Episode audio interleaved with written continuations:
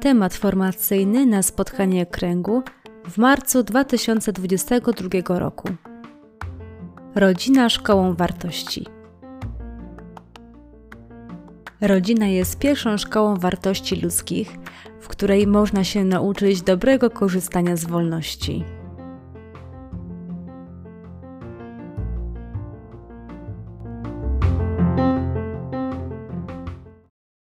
Papież Franciszek fragment adhortacji Amoris Leticia poświęcił sprawie bardzo aktualnej, czyli wychowaniu dzieci. Rodzice zawsze wpływają na rozwój moralny swoich dzieci, na dobre i na złe. Dlatego najlepiej, jeżeli zaakceptują tę nieuniknioną odpowiedzialność i wypełnią ją świadomie, entuzjastycznie, rozsądnie i we właściwy sposób. Papież dostrzega, jak ważna jest wychowawcza rola rodziny jak ona stała się skomplikowana w dzisiejszym świecie. Laicyzacja życia, niechęć do kościoła, pośpiech, praca, kariera, brak czasu to tylko niektóre czynniki, które charakteryzują dzisiejszy świat oraz bezpośrednio i pośrednio mają ogromny wpływ na środowisko rodzinne. Rodzina odczuwa tego skutki najbardziej. Czy my, jako rodzice, to zauważamy i potrafimy się temu na różne sposoby przeciwstawić? Ojciec Święty przypomina, że rodzina jest środowiskiem podstawowej socjalizacji, ponieważ jest pierwszym miejscem, gdzie uczymy się stawać wobec innych, wysłuchiwać się nawzajem, dzielić się, wspierać, szanować, pomagać, żyć jedni z drugimi. W kontekście rodzinnym uczymy się odnajdywania bliskości, opiekuńczości, pozdrawiania się nawzajem. Poprzez słowo socjalizacja należy rozumieć proces przyjmowania przez jednostkę wiedzy, kompetencji komunikacji, a także systemu wartości i norm, który ma skutkować osiągnięciem dojrzałości społecznej. Jak zauważa papież, czas jest ważniejszy niż przestrzeń. Co znaczy, że jako rodzice powinniśmy wiedzieć nie z kim przebywa w danej chwili nasze dziecko, ale gdzie jest w sensie egzystencjalnym, gdzie się mieści z punktu widzenia swoich przekonań, swoich celów, swoich pragnień, swoich planów życiowych.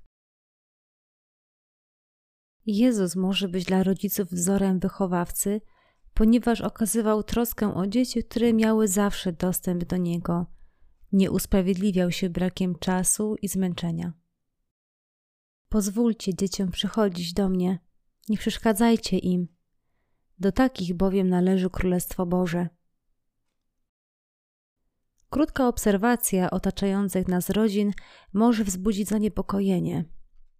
Niektórzy rodzice poprzez pracę, robienie kariery zawodowej nie poświęcają swoim dzieciom tyle czasu i uwagi, na ile dzieci potrzebują nie przybywają z nimi w sensie fizycznym, są nieobecni, a wychowanie często cedują na przedszkole, szkołę, zajęcia dodatkowe, dziadków.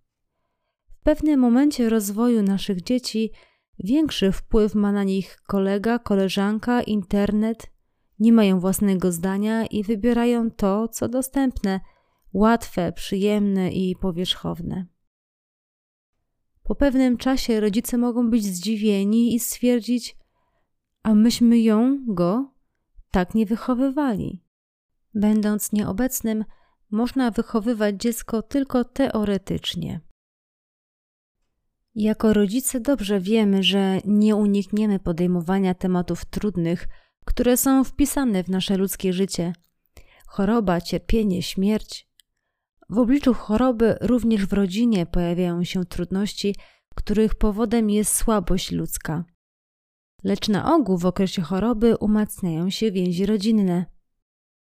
Wychowanie, w którym chroni się przed wrażliwością na ludzką chorobę, powoduje oschłość serca i sprawia, że dzieci stają się znieczulone na cierpienie innych, niezdolne do zmierzenia się z cierpieniem i doświadczenia ograniczeń.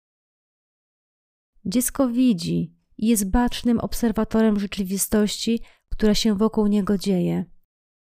Dlatego trzeba tłumaczyć dziecku. oczywiście zgodnie z jego wiekiem. Co to jest cierpienie, choroba, skąd się bierze, jaki ma sens, że to nie jest kara i tym podobne. Nie bójmy się tych tematów. One są trudne, ale z perspektywy czasu nieuniknione i dotyczące każdej rodziny. Papież Franciszek w adhortacji odnosi się również do katechumenatu rodzinnego. Wychowanie w wierze umie dostosować się do każdego dziecka, ponieważ nabyte narzędzia czy recepty czasem nie działają. Dzieci potrzebują symboli, gestów, opowiadań. Nastolatki często doświadczają kryzysu względem instytucji i norm. Dlatego trzeba pobudzać ich osobiste doświadczenie wiary i dawać im jasne świadectwo. Istotne znaczenie ma to, aby dzieci widziały w konkretny sposób, że dla ich rodziców modlitwa jest naprawdę ważna. Dlatego chwile modlitwy rodzinnej i przejawy pobożności ludowej mogą mieć większą siłę ewangelizacyjną od wszelkich katechez i wszystkich przemówień.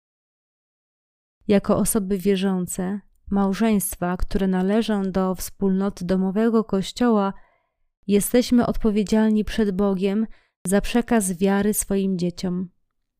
Powinniśmy zdawać sobie sprawę, że żyjąc charyzmatem ruchu światło życie na co dzień, mamy zadanie stwarzania najlepszych warunków do dobrego wychowania dzieci w duchu chrześcijańskim. Nie możemy w dzisiejszym świecie pozostawić naszych dzieci samym sobie. Miejmy na uwadze, że dobre przyzwyczajenia i przykład kształtują młody i chłonny jak gąbka charakter dziecka. Należy wystrzegać się stwierdzenia: jak dorośnie, to sam wybierze. A jeżeli nie wybierze, a inni wybiorą za niego? Wiara rodzi się ze słuchania i przykładu, dlatego jako rodzice odpowiedzialni za swoje dzieci mamy mówić o wierze i jednocześnie być dla nich przykładem, aby już dorosłe nie zatrzymały się na formacji do pierwszej komunii świętej lub bierzmowania. Abyśmy nie mieli dorosłych ludzi, którzy zatrzymali się w swojej wierze na etapie paciorka, bozi lub kościółka.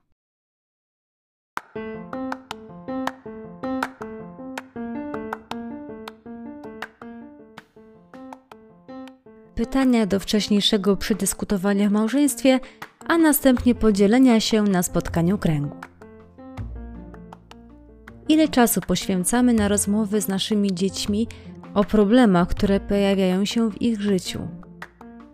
W jakim kierunku prowadzimy takie dyskusje? W jaki sposób przekazujemy wiarę i praktyki religijne naszym dzieciom? Czy jesteśmy pierwszymi i dobrymi świadkami w przekazywaniu wiary żywej? Jak uczymy nasze dzieci radzenia sobie z cierpieniem i własnymi ograniczeniami? Czy przekazujemy naszym dzieciom sens cierpienia w wymiarze chrześcijańskim?